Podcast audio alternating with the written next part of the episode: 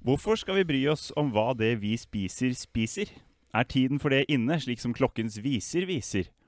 De som har peiling, bare gliser, gliser, og du som lytter, bare fniser, fniser. Og jeg som snakker, bare teaser, teaser. Velkommen til Klodebry fra Miljøstiftelsen Bellona, som i dag skal bli nerdete på fôr. Maten vi dytter inn i maten vi selv skal ha. Med mindre du er vegetarianer, da.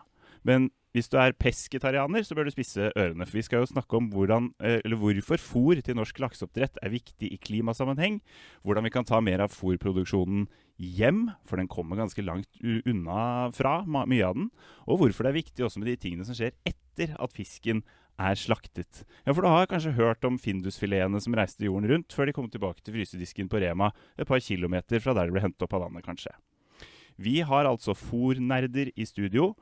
Og på slutten av sendingen så skal vi også prøve å svare på et lite lytterspørsmål fra en som heter Elisa, om hva som er forskjellen på en glad og en trist fisk. Kan man smake forskjell i levevilkår, f.eks.? Med oss i dag har vi på førsteplass Leif Kjetil Skjæveland. Velkommen. Tusen takk for det. Du er altså bærekraftsansvarlig og samfunnskontakt i Skretting Norge. Og det er en bedrift som produserer laksefôr. Ja. Med andre ord superrelevant å ha deg her. Så Flaks at du kunne komme. Bare hyggelig. Du er utdannet historiker og journalist, og så har du jobbet som oppdragsforsker og redaktør. Du har erfaring fra merkevarebygging og softwareutvikling, har jeg fått med meg. Er det, er det, litt sånn veien blir til mens jeg går-prosjekt, eller er det en rød tråd her som ikke jeg oppfatter helt? Nei, jeg syns den egentlig viser han livet i sin helhet, som går på at det er tilfeldigheter. Ja. Men den røde tråden er, er kommunikasjon det å få ut uh, et budskap. Og, og, så er jeg så heldig at nå får jeg lov til å jobbe i en bransje som, som har mye å si egentlig for utvikling framover. Fordi at vi er en gang på en planet, planet, som blir mer og mer folk, og de folka skal ha mat. Og Da syns jeg det er veldig kjekt å få lov til å jobbe med en næring som har lyst til å gjøre noe med, altså prøve å få lov til å produsere mer mat, men òg på en måte som denne kloden kan klare å takle. Godt å høre. Velkommen skal du være. Ved siden av deg har vi Mari Wold Bjordal. Du er for uh, den vante klodebrylytter uh, et kjent uh, fjes, hvis man har sett videoutgaven av podkasten. I hvert fall en kjent stemme for alle som har hørt på podkasten. Velkommen. Takk. Du er altså husmarinbiolog i Bellona og kongen av fun facts om alle slags små ting som fins i havet. Mm -hmm. Du kaller det litt for havets Pokémon, ikke sant? Jo. Ja. Så har vi Silje Båtsvik Risholm. Du er også bergenser. Det stemmer. Velkommen. Takk. Eh, tung vestlandsrepresentasjon i eh, rommet i dag. Og du har jo bl.a. jobbet i eh, Kina, som vi nevnte litt sånn innledningsvis her, med, som et, eh, ofte et stoppested for norskprodusert laks. Det har jeg. Eh, hva er ditt forhold til fiskefôr, og husker du hvor det var første gangen du tenkte på fiskefôr? Oi, ja. Altså, fiskefôr eh, forhold til fiskefôr.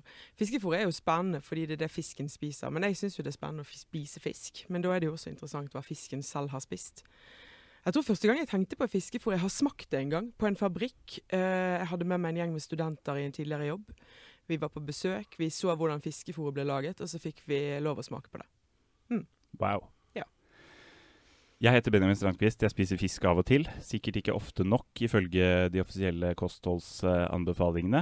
Um, men jeg foretrekker makrell i tomat rett fra boksen med gaffel.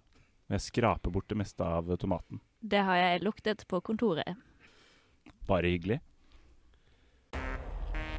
Human influence has warmed the atmosphere, ocean and the land. A code red for humanity.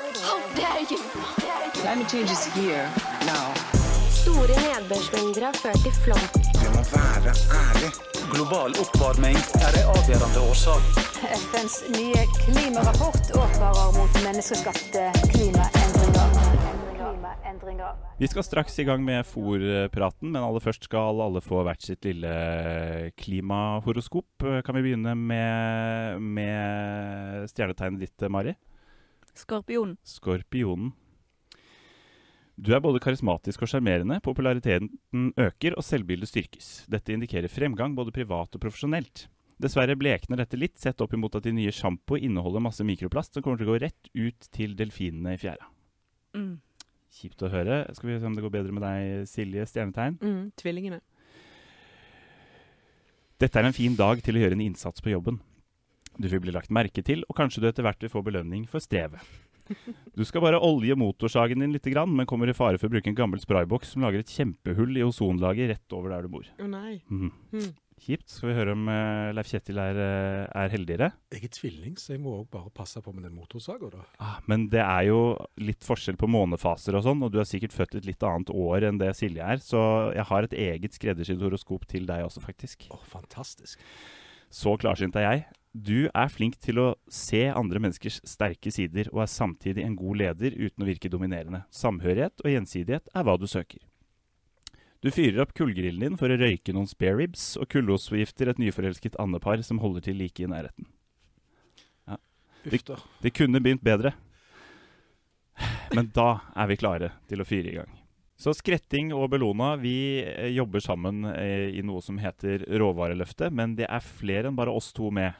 Ja, for Overløftet er jo en eh, stor samarbeidsplattform hvor vi har med oss eh, mange aktører, eh, de aller fleste skulle jeg si, som jobber med fiskefôr eh, i Norge. Så jeg kan jo kjapt nevne at vi har eh, med oss, eh, i tillegg til skretting, så har vi med oss Biomar, Cargill og Movi, som er fôrprodusenter. Vi har også med oss en del selskaper som leverer råvarer til fôr. Eh, og da er det litt tilfeldig rekkefølge her nå, da, men Nordnes, Hordafôr, Pelagia, Ocean Geoloop, Sukka, Aker Biomarin. Og så er også eh, Sjømat Norge, eh, som er en bransjeorganisasjon, med. Alle nevnt, ingen glemt. Jepp, jeg håper det. Aller først, dere tre, Fòr-gjengen. Dere kjenner jo åpenbart hverandre fra før. Hvordan kjenner dere hverandre?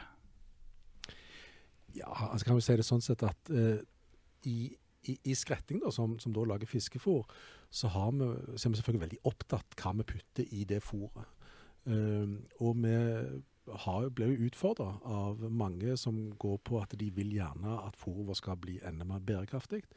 Uh, og I den sammenhengen så tenker vi at istedenfor at vi bare sitter og sier nei, nei, nei, ingen skal fortelle oss hvordan vi gjør dette her, så syns vi det er mye bedre å gå i dialog. Uh, og da har jo egentlig uh, Bellona sånn sett vært en bra støttespiller og utfordrer, sånn at vi kan sørge for å dra ting i, i, i, den, i den rette retningen. Og det, det er jo egentlig det vi har, har, har blitt kjent. Mm, det er jo det. Ja.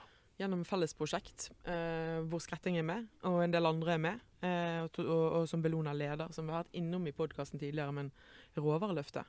Mm. Hvorfor er det så viktig at vi finner nye råvarer til fiskefôr? Det tror jeg jeg skal svare på det. Eh, det er rett og slett fordi at eh, verden trenger mer mat. Og FN sier veldig tydelig at den maten må nok i stor grad komme fra havet. For det er ikke så mye mer igjen på landjorda.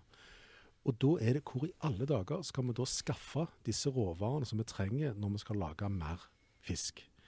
Eh, det gir seg ikke sjøl. Og, og derfor så trenger vi nye råvarer for å kunne eh, som sagt, produsere mer mat framover. Og ikke minst òg eh, sørge for at vi kan få råvarer som har minst mulig eh, fotavtrykk på miljøet. Ja, for globalt så er det sånn at matproduksjon det står for uh, ca. en tredjedel av klimagassutslippet.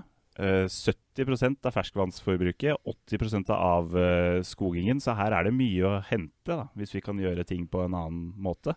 Mm. Så kan vi jo tenke i Norge så produserer vi uh, laks. Det er kanskje den største matproduksjonen vi har, utenom villfanget fisk. Så hvis vi greier å se på fôret til laksen, da kan vi gjøre veldig mye. Hvor mye av klimagassutslippet til laksen er knytta til fôret? Det varierer litt, men det er oppimot 70% Så fremt du ikke putter den på et fly da, og frakter den til markedet. Så, så det betyr jo at hvis laksen skal bli enda mer bærekraftig, så er det vår jobb. Altså vi som jobber i, i fôrbransjen. Hva spiser laksen per i dag, sånn typisk? Utgangspunktet så spiser han egentlig sånne ting som, som, som vi òg kan spise. Altså, Når Silje har smakt på fiskefôr altså, Det er jo ikke godkjent som menneskemat, men, men, men det går egentlig an å spise det. Mm. Uh, og, og laksen er jo et rovdyr, uh, som betyr han trenger fett og trenger protein. Og da er det sånn at av fett, det får han fra villfisk, altså fra fiskeoljer. Uh, han får det fra rapsolje, linolje og kamelinaolje.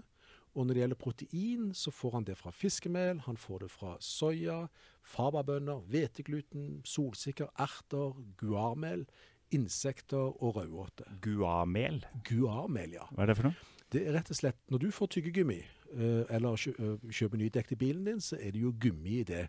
Og det kommer fra guarplanten. Og, når de lager den gummien, så, så, det, så, så er det et biprodukt som vi da kan ta i bruk, fordi det inneholder ganske mye protein. Så tar vi det biproduktet der, og så henter vi ut proteinen, og så gir vi det til laksen. Men vi hører jo at vi mennesker burde spise mindre ultraprosessert mat. Det er ikke bra for oss. Det greiene som laksen spiser, høres Og når det er konsentrert inn i sånne små pellets i tillegg, høres veldig prosessert ut. Er det det laksen vil ha? Ja, laksen setter veldig pris på det, og han blir faktisk sunn og god eh, med det han tar seg gjør. Eh, og vi prøver jo å behandle råvarene så skånsomt som mulig, men det er liksom, skal du lage et brød, så må du liksom ta og sette det sammen, da, og så må du koke det. Eh, og, og, og det er litt på samme måten at vi, vi tar disse råvarene, vi setter de sammen, og så presser vi det inn i en pellet, og så prøver vi å få så mye olje og fett som mulig, sånn at den da kan fraktes uten å måtte være så tung som mulig. Så det er liksom mest mulig energi inn i en pellet. Det er den. Mm. Jeg tenker jo Leif Kjetil svarte for så vidt mye. Våre perspektiver når det gjelder å jobbe med fôr, handler jo mye om det klimaavtrykket som fôret står for. Eh, og, og, da når vi jobber med havbruksbransjen eh, i Bellona, så jobber vi med mange ulike områder. Men fôr skiller seg liksom ut med at det er der det absolutt størst mulig å kutte.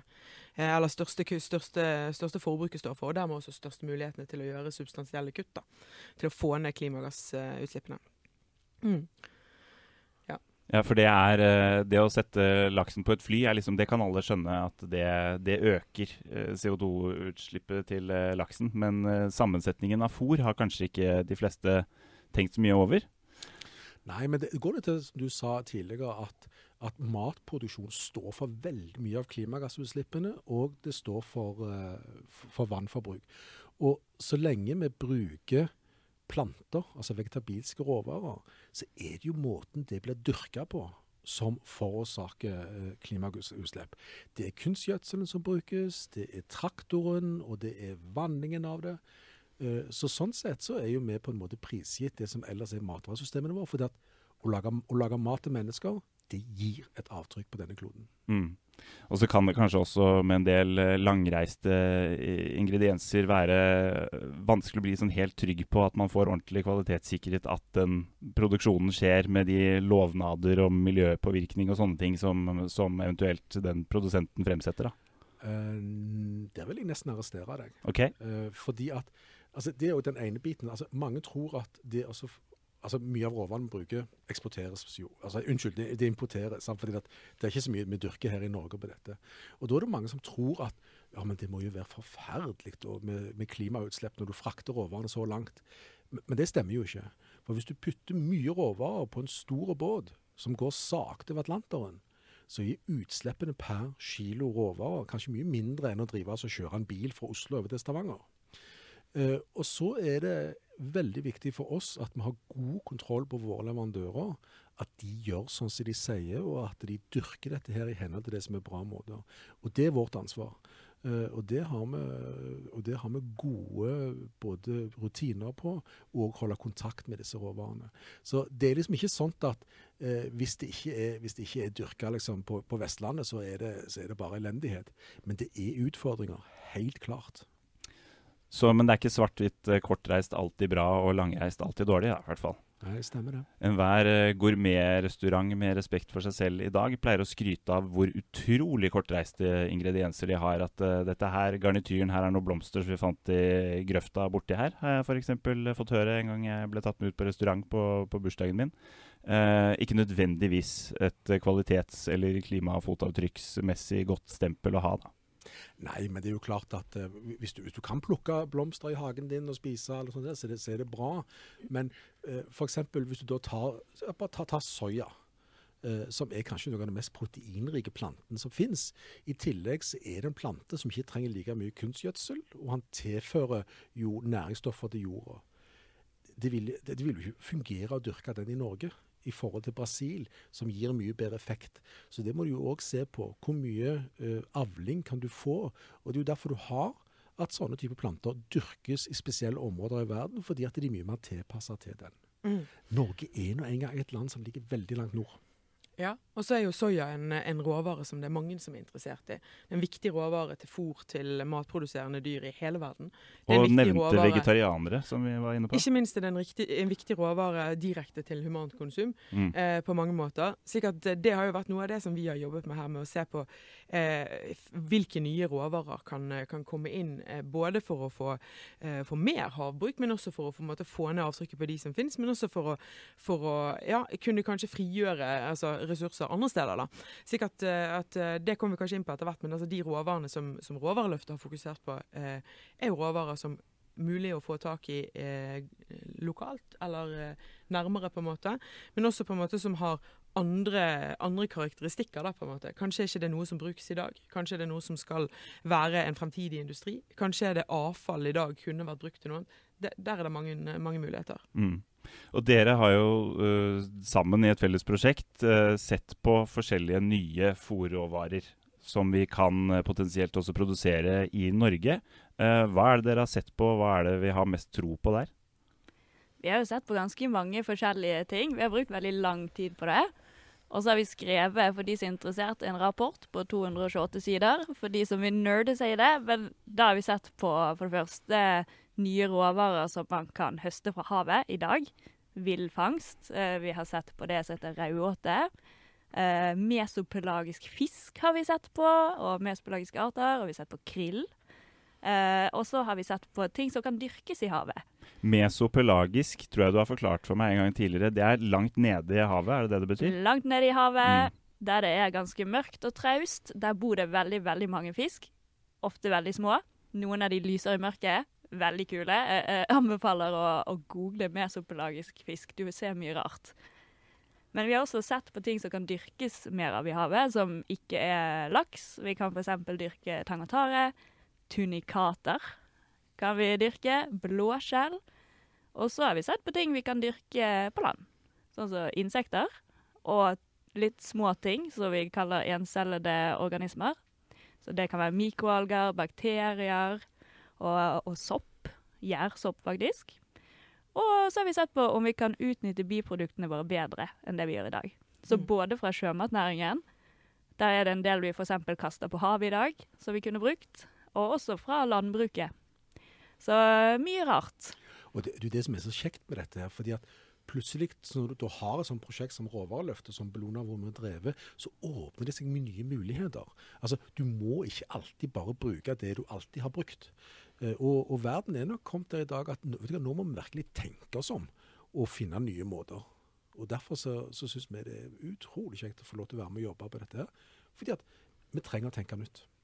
Når dere ser på nye ting å produsere fôr fra, hva er liksom kriteriene for Hva, hva utgjør et godt fôr, liksom?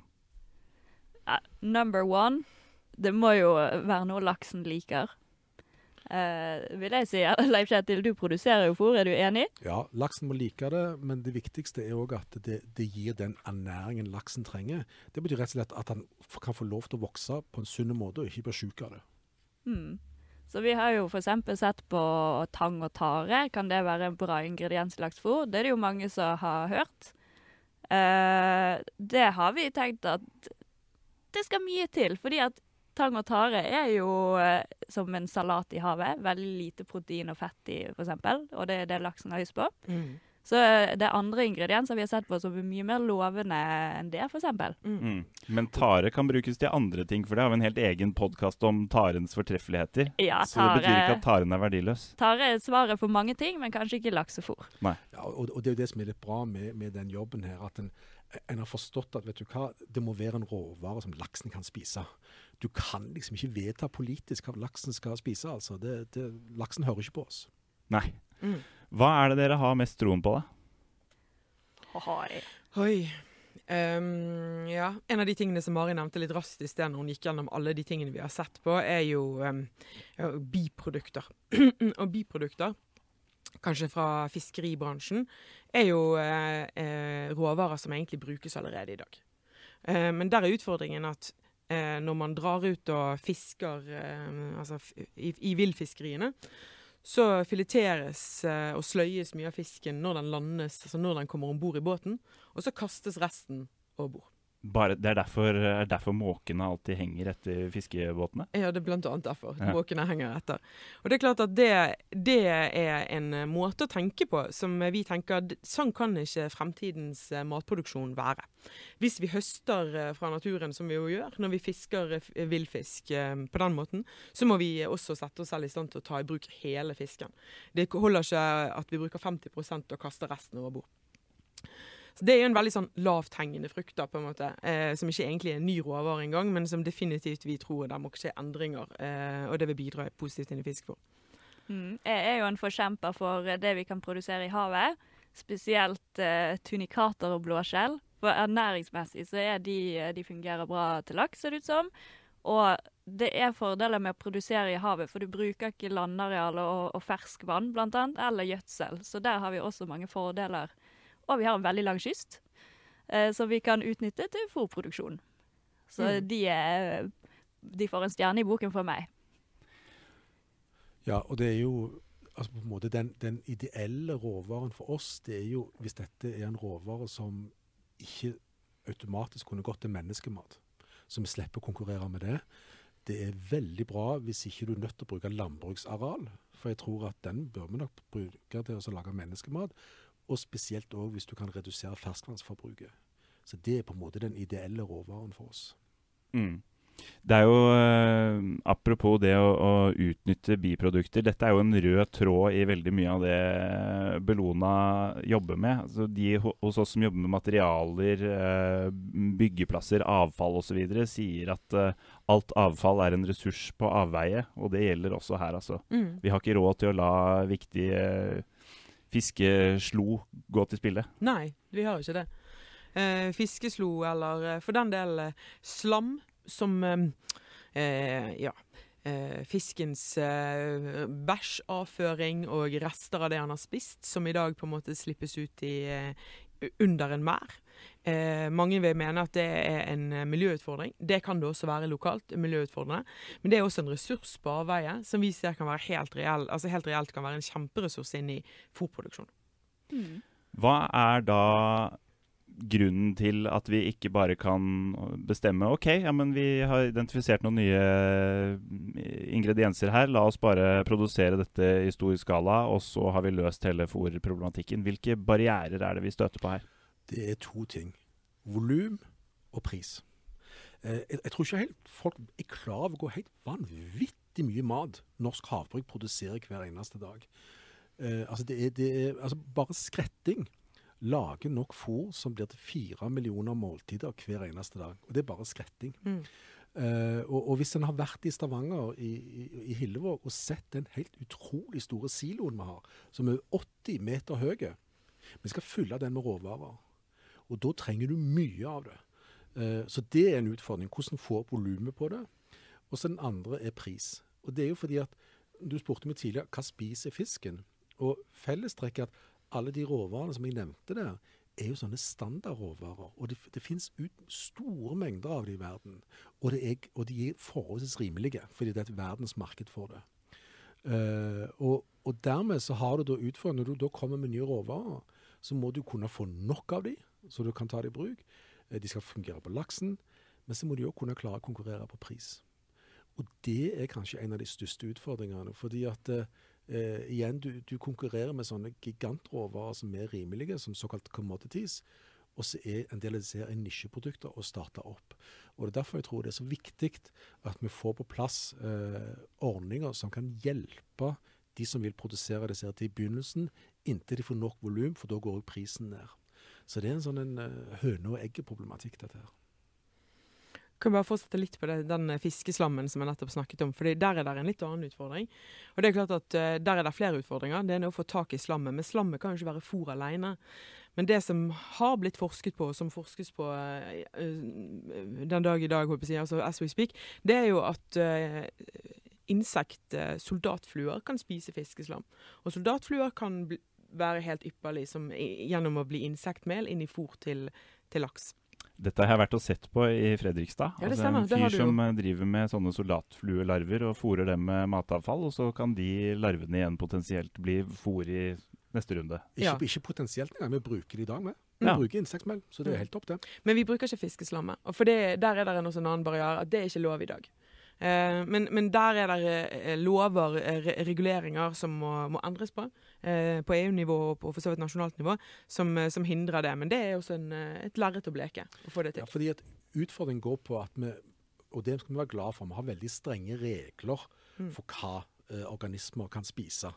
Eh, og Da er det òg strenge regler hva disse her fluene hva disse larvene kan spise. Men altså, fluer og larver er, fluer er jo lagd for å spise dritt. Mm. Altså, de, de renser det og prosesserer det. Men, men regelverket vårt tar på en måte ikke høyde for det. Så, så det som vi håper på, det er at vi kan få nok kunnskap, sånn at vi er trygge på at det er trygt. For da kan Mattilsynet og EU godkjenne det. Mm. Eh, sånn som det er i dag, så får du kun lov til å gi eh, på en måte godkjente råvarer til disse insektene. Mm. Og har du da en insektmelfabrikk som ligger rett på siden av Heineken til bryggeri i Nederland, så har du masse mat, eller råstoff, til, til, til, disse, eh, til disse insektene. Men når du ikke da bare kan gi dem enten det er slam altså fra, fra lakseproduksjonen, eller bare kan ta alt det vi kaster i den brune dunken og gi dem, og det er ikke lov, så går vi glipp av store mengder billig og god mat som er en sirkulær økonomi til disse insektene. Hvordan jobber vi videre da med å få realisert at vi faktisk kan få brukt disse råvarene da, sånn som vi ønsker eller ser for oss? Da må vi eh, ha politikerne på banen. For her er det jo klart at uh, industri må uh, investere mye penger, men det skal også ganske mye uh, kunnskap til for noen av disse råvarene før de kan produseres på en stor skala. Og så må man jo på en måte også få inn kapital til å investere og skalere opp i så stor grad som er nødvendig. For vi produserer Vi bruker ne, to millioner tonn fôr til laks hvert år i Norge. Det er sinnssyke mengder.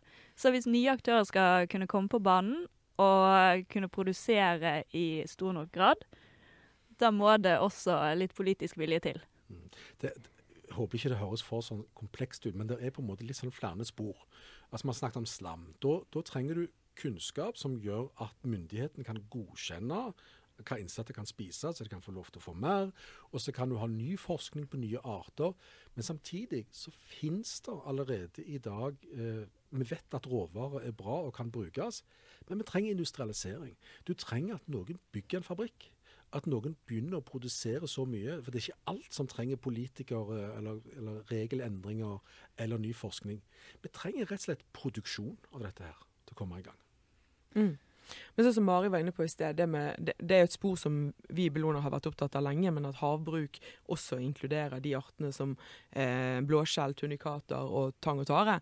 Der trenger jo vi å, at det legges til rette for at det gis arealer til den produksjonen eh, langs kysten vår. Vi har en lang kyst, og det er mye havbruk, men det meste av havbruket er, er laks eller annen fiskeoppdrett. Det er ikke produksjon av lavtrofiske, altså arter som lenger, lever lenger ned i, i næringskjeden på den måten som de gjør.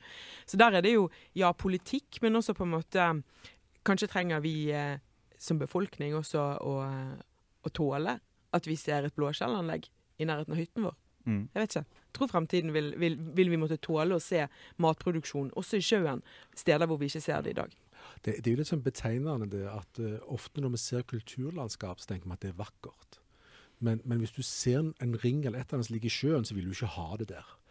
Uh, jeg tror vi nordmenn har en sånn veldig sterk tilknytning til at hav, det er vårt, og det skal være fritt. Vi vil at det skal være uberørt, for alt annet er uberørt. Eh, dessverre så tror jeg nok at eh, framover så må vi nok se at vi må ta òg i bruk havet til å produsere mat. Fordelen som havet har i forhold til landjord, er at hav er tredimensjonalt. Mm. Mens eh, landjord er 2D. Altså alt må liksom areal. Mens her kan du gå i dybden, og det gir muligheter. Mm.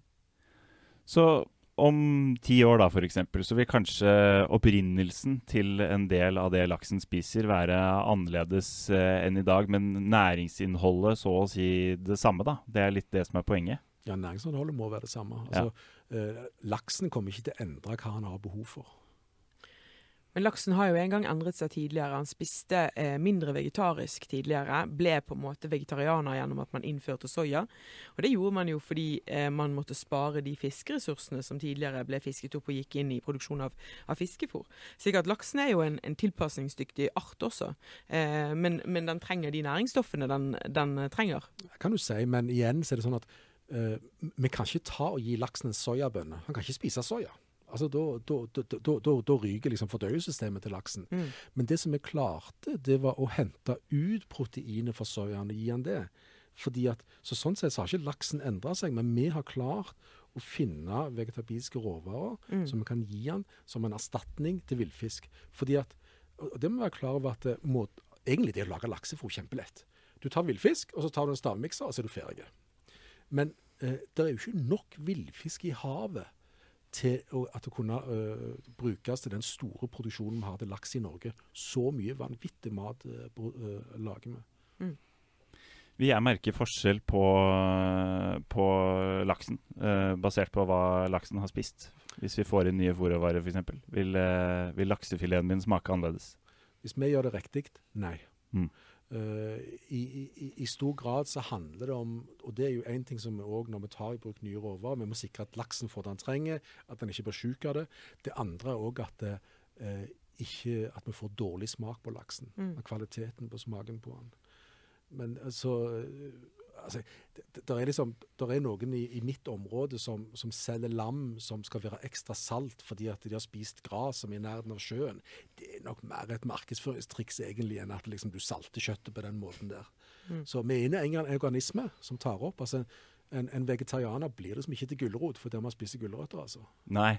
Eh, apropos det med å erstatte nærings... Eh, altså hvis eh, Du sa laksen spiser mer eh, vegetariske ting nå enn den gjorde før. Ja. Jeg bodde i kollektiv med en fyr som plutselig bestemte seg for å bli veganer. Altså bare sånn cold turkey over natten. Men hadde ikke satt seg inn i hvordan han da skulle erstatte de næringsstoffene som han mistet.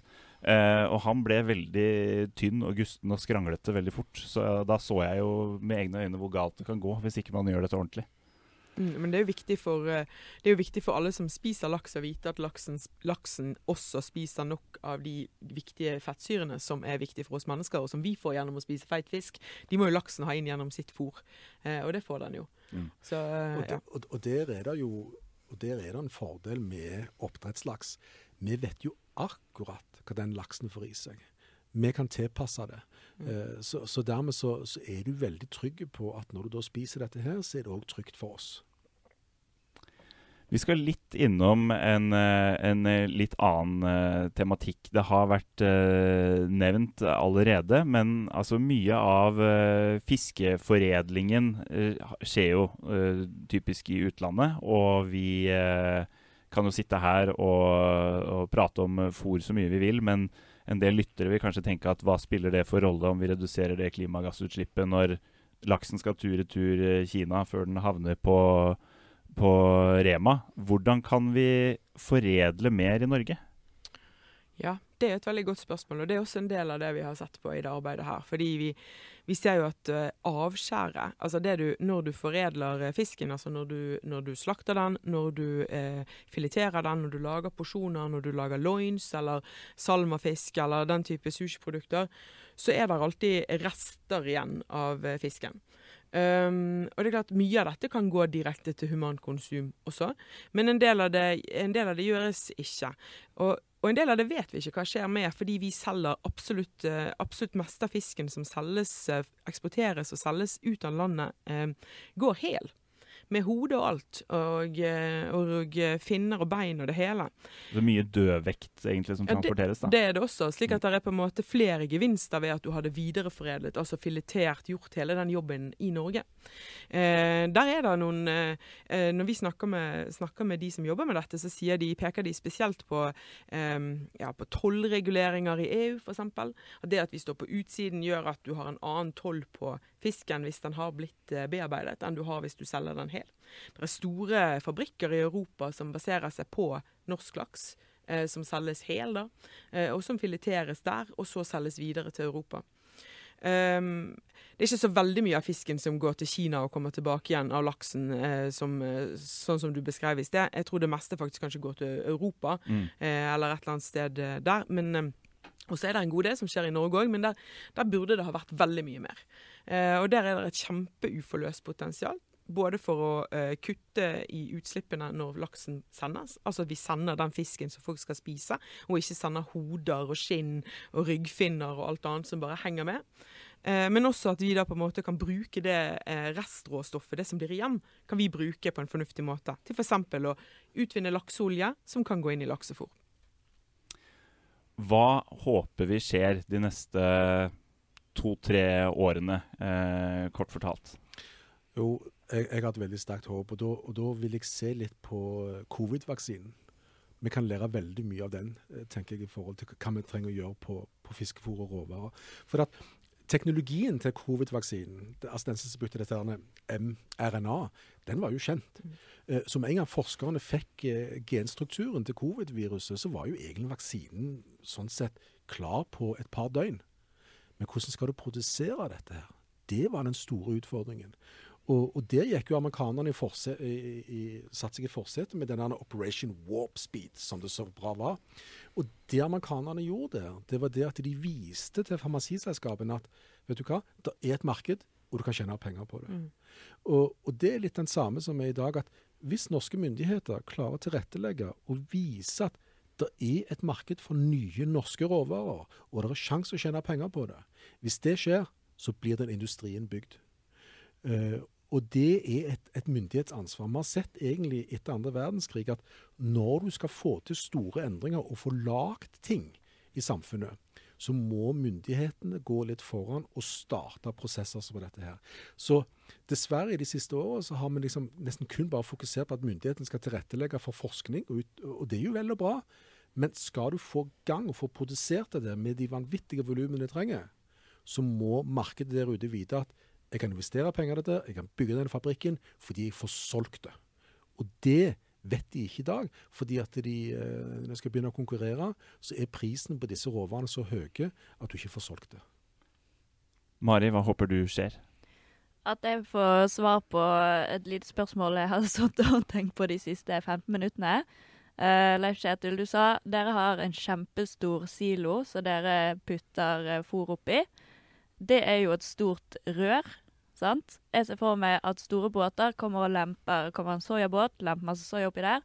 Kommer en fiskemelbåt, lemper fiskemel oppi der. Men da får du jo lag med forskjellige fôrråvarer i den siloen. Hvordan fikser man det? Jo, hvis du har sett oppi den siloen, det er ikke ett stort røyr. Det er masse røyr inni der. Ah. Så, så, så, så vi har jo da inni den så er det masse røyr som du da egentlig har, eh, har de forskjellige råvarene i, og så blander vi de. Så det, det er ikke én stor boks, altså. Men eh, Det kan se sånn ut fra, fra utsida, men inni så er det mange, mange avdelinger. Nei. OK. Ja. Ja, takk. Takk for det. Silje, hva drømmer du om? Nei, nå må jeg bare svare Mari sine drømmer. Jeg siden hun er opptatt av fôrsiloer. Nei, Vi, vi ønsker oss jo en, eh, at havbruk har breiet seg ut til å være også en lavprodu- lavtrofisk eh, produksjon. Eh, vi ønsker oss at det har blitt løst. Vi håper at, at det er lov å bruke fiskeslam til å produsere insekter. At vi har fått ordentlig store insektproduksjon eh, og fabrikker i, i Norge. Um, og så håper jeg på en måte at uh, at, klarer, at vi klarer etter hvert, både politikere og samfunn, å se at når vi bruker ressurser, så må vi bruke hele. Uh, og Da tenker jeg på det med bl.a. Uh, fiskeriene våre, og vi tenker på det med å, å, å, hvor vi uh, foredler fisken vår. Eh, at vi tar vare på restråstoffet og får eh, brukt det også. Og så har jeg et siste ønske. og det er også at disse nye råvarene faktisk har et lavt klimautslipp. Mm. Fordi at det vi ser, det er at en del av disse her eh, tiltakene, det er ikke alltid at de har et lavere klimautslipp enn f.eks. soya. Når soya dyrkes på den, vanlige, på den korrekte måte, så har det et veldig lavt utslipp. Og det òg er en utfordring med mye av dette her. Mm. Eh, Så det er ikke sånn at alt er mer bærekraftig. Nei, og det er jo En av forutsetningene vi har satt i rapporten, da, er jo at det må jo være råvarer som har et lavere ut, eh, avtrykk. Eh, at det skal bidra til en bedre klima- eh, og miljøprofil her. Eh, og det er jo eh, For å nå det, så er det faktisk også sånn at vi må gjøre en del beregninger. fordi en del av disse råvarene som vi har sett på, så finnes det ikke beregninger i dag. Så det er jo også noe av det, det Man må begynne der da på en måte, sant, for å kunne sammenligne. Man måtte hjemføre. Og så, og så konkurrerer nå altså, Det er jo ikke sånn at man så det stille de siste åra. Altså, I Skretting så har vi forplikta oss til Science Based Targets. som betyr at vi skal redusere klimagassutslippene våre i henhold til Parisavtalen. Og siden 2018 så har vi allerede redusert det med 46% Altså 46% mindre CO2-utslipp med fôret vårt nå. Sånn at det er ikke når du, når du da ser på nye råvarer at du på en måte står stilt. Vi er jo i gang, så de må jo òg altså, de må, de må også springe for å nå oss på dette. Store nedbørsmengder har ført til flom. Jeg må være ærlig. Global oppvarming er en avgjørende årsak. FNs nye klimarapport advarer mot menneskeskapte Nå har vi snakket masse om fôr uten å stille det store, viktige spørsmålet. eh, og det aller viktigste spørsmålet som alle selvfølgelig lurer på, hva smaker det for noe? Har noen her smakt på uh, fiskefôr? Ja. Ja. Jeg har smakt på det. Jeg har også smakt på det. Jeg har også smakt på det. Jeg er Jeg sier det høyt, fordi det er jo ikke godkjent som, som mat, men jeg har smakt på det. ja. Ja, Det er jo lov å smake lite grann. Ja, jeg har, altså Som liten gutt så smakte jeg jo på blader eh, på hekker, sånn at du har, har jo fått i meg mye rart i løpet av året. Så. Det må man jo gjøre. ja. Er det godt? Fiskefôr? Ja. Ja, det er helt greit.